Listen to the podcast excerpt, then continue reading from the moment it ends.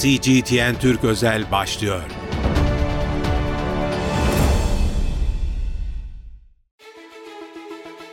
CGTN Türk özel yayınından merhaba. Ben İlkay Akkaya. Gündemdeki konularla karşınızdayız. Bugün gündemimizde Avrupa'da yayılan çiftçi eylemleri var. Aynı zamanda Türkiye-Avrupa Birliği ilişkileri ve son dönemde çokça yaşadığımız vize sorununu konuşacağız. Konuğumuz Avrupa Birliği uzmanı aynı zamanda Can Baydaroğlu. Can Bey hoş geldiniz. Hoş bulduk İlkay Hanım. İyi yayınlar diliyorum. Teşekkür ediyorum. Sağ olun. E, Fransa'da başlayan çiftçi eylemleri Avrupa'nın dört bir yanına yayıldı. E, Almanya, Fransa, İspanya, Belçika, Hollanda gibi e, büyük önemli ülkelerde eylemler görüyoruz. E, hatta dün e, Avrupa Parlamentosu'nun önünde de eylem gerçekleştiler. Hatta buna kuşatma da deniyor aynı zamanda. E, eylemcilere polisler müdahale ettiler. Böyle çok farklı bir tabloyla karşı karşıyayız. Açıkçası e, çok da ilgi çekiyor bu e, Avrupa'daki bu eylemler. Çünkü kasıp kavuruyor Avrupa'yı şu anda. E, neler oluyor Can Bey? Yani bu eylemlilik nasıl başladı?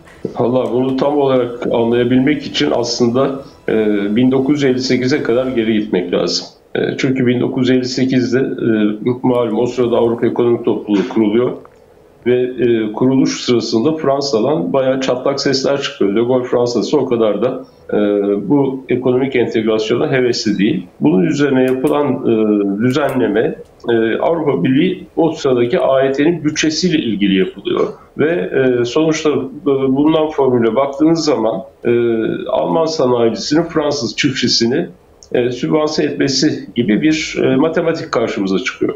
Evet. Ve bu matematik çok ciddi sorunlara yol açıyor zaman içerisinde. Çünkü e, işte savaşta yeterli olmak gıda yeterliliği mantığı üstüne inşa ediliyor ama sonuçta bu e, aşırı sübvansiyon dayalı bir tarım politikası sistemi oluşturuyor.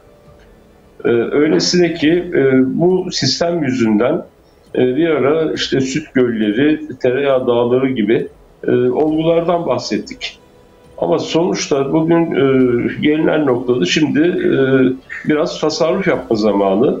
E, özellikle de Avrupa Birliği ülkeleri ilk defa e, İkinci Dünya Savaşı'ndan bu yana ilk kez kapılarında bir savaş tehdidi gördükleri için e, şimdi bütçe kaydırması yapmaya çalışıyorlar. Ve e, bu refah toplumundan giderek uzaklaşıp güvenlikli bir toplum haline dönüşmenin projesi aslında. Ve tabii burada da ilk yapılacak iş bu tarım politikasından e, aşırı e, harcamalara yol açan tarım politikasını kısmak. E, şimdi bu daha önce de denenmişti. E, o sırada daha işte 90'lı yıllardı. E, Avrupa Komisyonu sadece Berlemon Sarayı'nda e, iş yapardı ve Berlemon Sarayı'nın 13. katı e, bu tarım politikası ile ilgili kattı.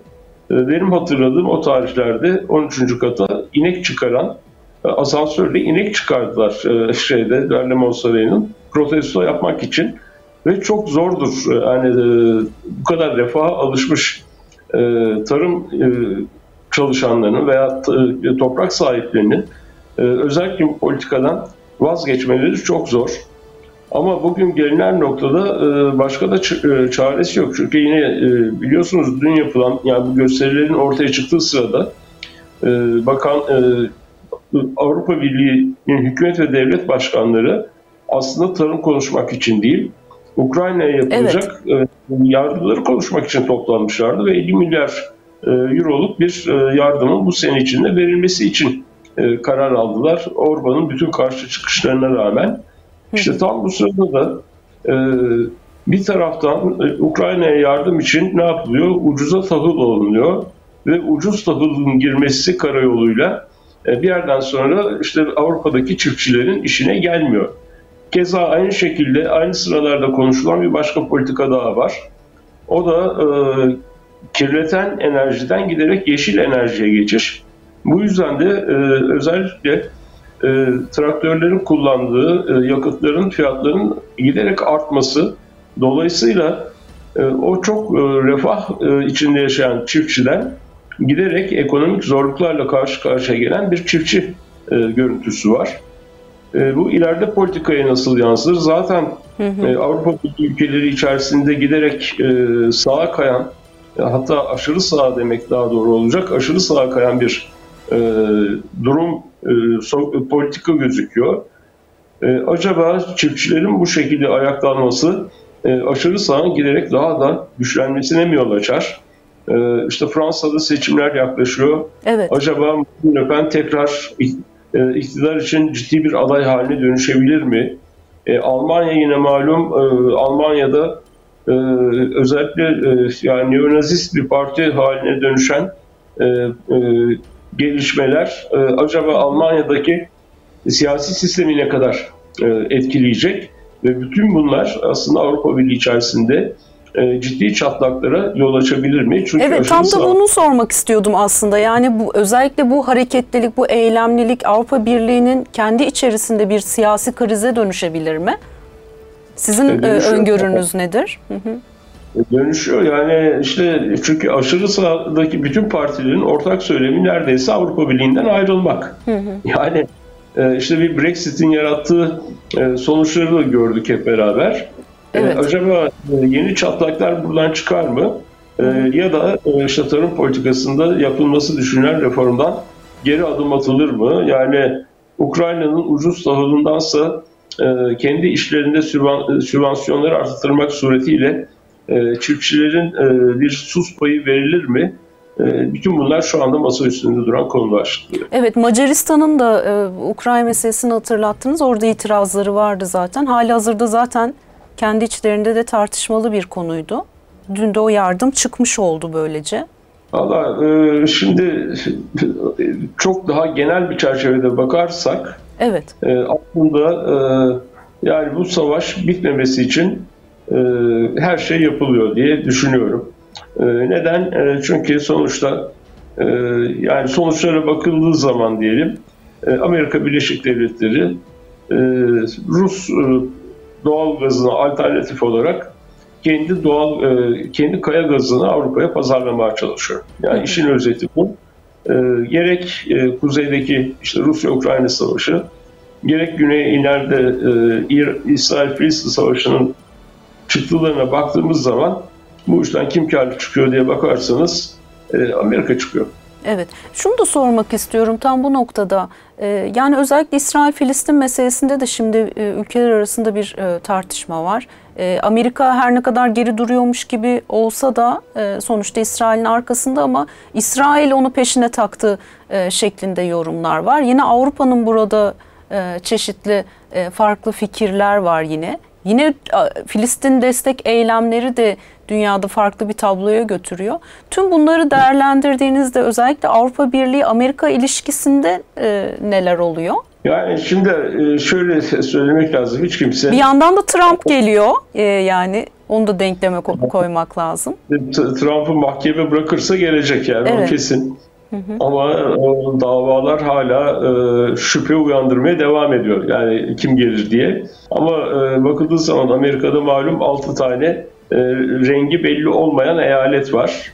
Şu anda o 6 eyaletin 5'ini de Trump almış gibi duruyor. Dolayısıyla da evet büyük olasılıkla Trump bundan sonra e, tekrar Amerika Birleşik Devletleri'nin başına gelebilir. Hı hı. Ama e, şeye bakıldığı zaman tam seçim öncesinde e, Amerikan seçimleri öncesinde Amerika Birleşik Devletleri İsrail'i bu kadar desteklerle gözükmek istemiyor. Yani çünkü Amerika Birleşik Devletleri içerisinde de e, ciddi sesler çıkma başladı savaş aleyhtarlığına karşı. Ama yine biliyoruz İsrail'in gözü aslında Gazze'nin topraklarından çok Gazze'nin hemen açıklarında bulunan doğal gaz yatakları. Yani şu anda Filistin'in kıta sahanında olan e, yataklar eğer İsrail'in eline geçerse e, o zaman e, işte Rus gazına alternatif bir gaz yeniden şekillenmiş olabilecek ve bütün bunlar da Türkiye üstünden Batı dünyasına doğru akacak. Ha, tabii e, dün de önemli bir şey daha oldu. E, Türkmenistan da Türkiye arasında gaz anlaşması yapıldı. Yani e, Türkiye'de e, ciddi bir e, doğal gaz e, akış noktasına doğru kendi pozisyonunu güçlendiriyor. Ama bütün bunlar aslında Amerika Birleşik Devletleri'nde çıkarına aykırı. Çünkü Amerika Birleşik Devletleri'nin derdi kendi kaya gazını mümkün olduğu kadar çok ve çabuk vaziyette e, şeye satmak. Avrupa Birliği ülkelerinde satmak.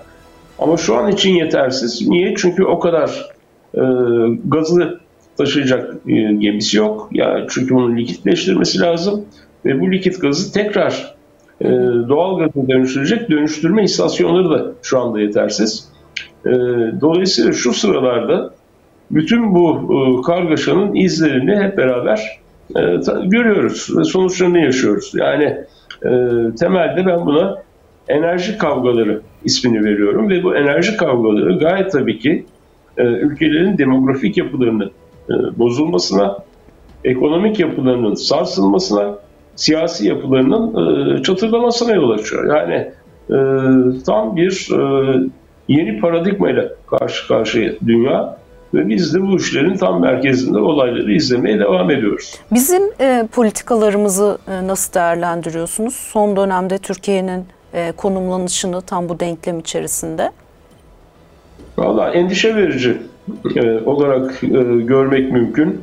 Yani şöyle söyleyeyim. E, yine malum işte geçtiğimiz hafta çok önemli bir gelişme izledik. E, Türkiye İsveç'in e, NATO üyeliğine olan vetosunu kaldırdı. Evet. Ve e, hemen ardından Amerikan Dışişleri Bakan Yardımcısı Türkiye'ye geldi ve sizi tekrar F-35 projesine dahil edebiliriz. Yeter ki şu S-400 e, meselesini halledin şeklinde mesajlarını da e, verdi. Şimdi Türkiye sanki Batı dünyasına daha yaklaşır bir görünümde. Yani bu tabii ki Türkiye'nin Rusya ile olan ilişkileri nasıl etkileyecek? Onu da önümüzdeki haftalarda Putin'in Türkiye ziyareti sırasında daha net görme şansımız olacak. Ama yine öteki taraftan e, Türkiye'nin e, yani bütün bunlar aslında Türkiye'nin şansını da çok arttırıyor. Çünkü yine e, Avrupa Merkez Bankası'nın yaptığı bir anket e, Kasım ayında yayınlandı ve bu ankette çok uluslu şirketlerin özellikle pandemi sürecinde ve e, akabinde çıkan e, savaş senaryoları nedeniyle e, tedarik zincirlerinin aksamaması için giderek daha e, Avrupa Birliği'ne yakın ülkelere doğru yatırımlarına 5 yıl içinde kaydıracakları gibi bir sonuçla karşı karşıya geldik. Şimdi bütün bunlar olurken e, Türkiye'nin pozisyonu tabii ki çok güçlü hale geldi. Ama bir sorun var. E, işte Türkiye'deki hukukun üstünlüğü meselesi, anayasa hukuku meselesi, anayasa mahkemesinin pozisyonu, son dönemlerde tartışılır hale geldiği oranda Türkiye maalesef kendi konumunu yeterince e, akılcı bir şekilde kullanamıyor. Yani e, ha, ama bütün bunlar hallolur da e, Türkiye tekrar demokrasinin üstünlüğünün e, hakim olduğu, hukukun üstüne saygının esas hale geldiği ve dış dünyayı da ikna edebildiği ortamda e, bence e, çok farklı bir pozisyona hızla gelecektir. Evet. Can Bey son olarak şunu da sormak istiyorum. Ee, yani bir yandan tabii çok yüksek e, politikalar, siyasetler konuşuyoruz ama bütün bunların e, yansıması biz vatandaşlara da e, ağır oluyor.